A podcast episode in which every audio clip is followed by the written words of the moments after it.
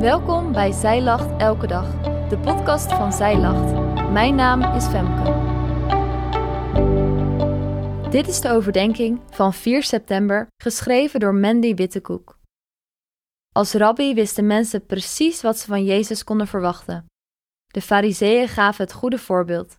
Je moet de tien geboden en alle regels volgen die God in het Oude Testament gaf. En je behoort mensen te berispen als ze iets fout doen. Dat is precies het beeld dat je ook van Jezus hebt. Toch? Het was voor de Fariseërs zoveel makkelijker geweest als Jezus gewoon zo was, voorspelbaar, veilig. Zo'n beetje zoals de Fariseërs hun positie in stand houden.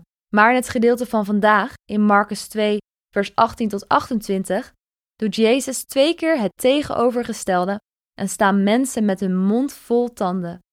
Wie is toch deze man, die zichzelf leraar noemt? Zo zien de Fariseërs op een dag dat Jezus' discipelen niet vasten.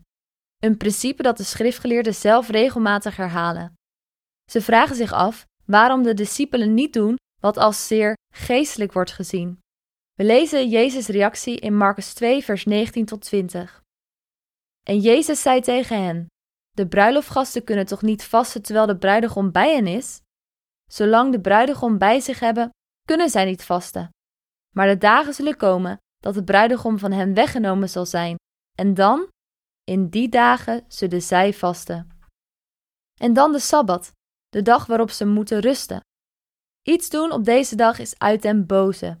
Maar wanneer Jezus op deze dag met zijn discipelen door de korenvelden loopt, besluiten de leerlingen aarde te plukken. De Fariseërs vallen hier direct over. Waarom doen Jezus' discipelen iets dat niet mag? Jezus geeft het antwoord in Marcus 2, vers 27 tot 28. De sabbat is gemaakt ter wille van de mens, niet de mens ter wille van de sabbat. Daarom, de zoon des mensen is Heere, ook van de sabbat.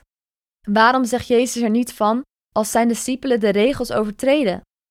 Als zij niet doen wat een leerling behoort te doen, wie is toch deze man die zichzelf rabbi noemt, maar zich fundamenteel anders gedraagt dan de leraren die de mensen kennen? Wie is deze man die alles wat God heeft gezegd opzij lijkt te schuiven en vragen stelt over dat wat al zo lang vast ligt? Dit is een leraar die anders is. Voor de schriftgeleerde is hij een bedreiging. Voor de gewone mens is hij intrigerend. Hij verricht wonderen en spreekt met gezag. Jezus leert dat hij, als het nieuwe evangelie, niet samengaat met de wetten en gebruiken van het Joodse geloof.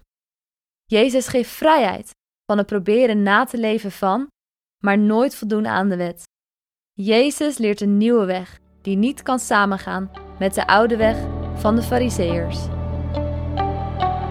Dankjewel dat jij hebt geluisterd naar de overdenking van vandaag.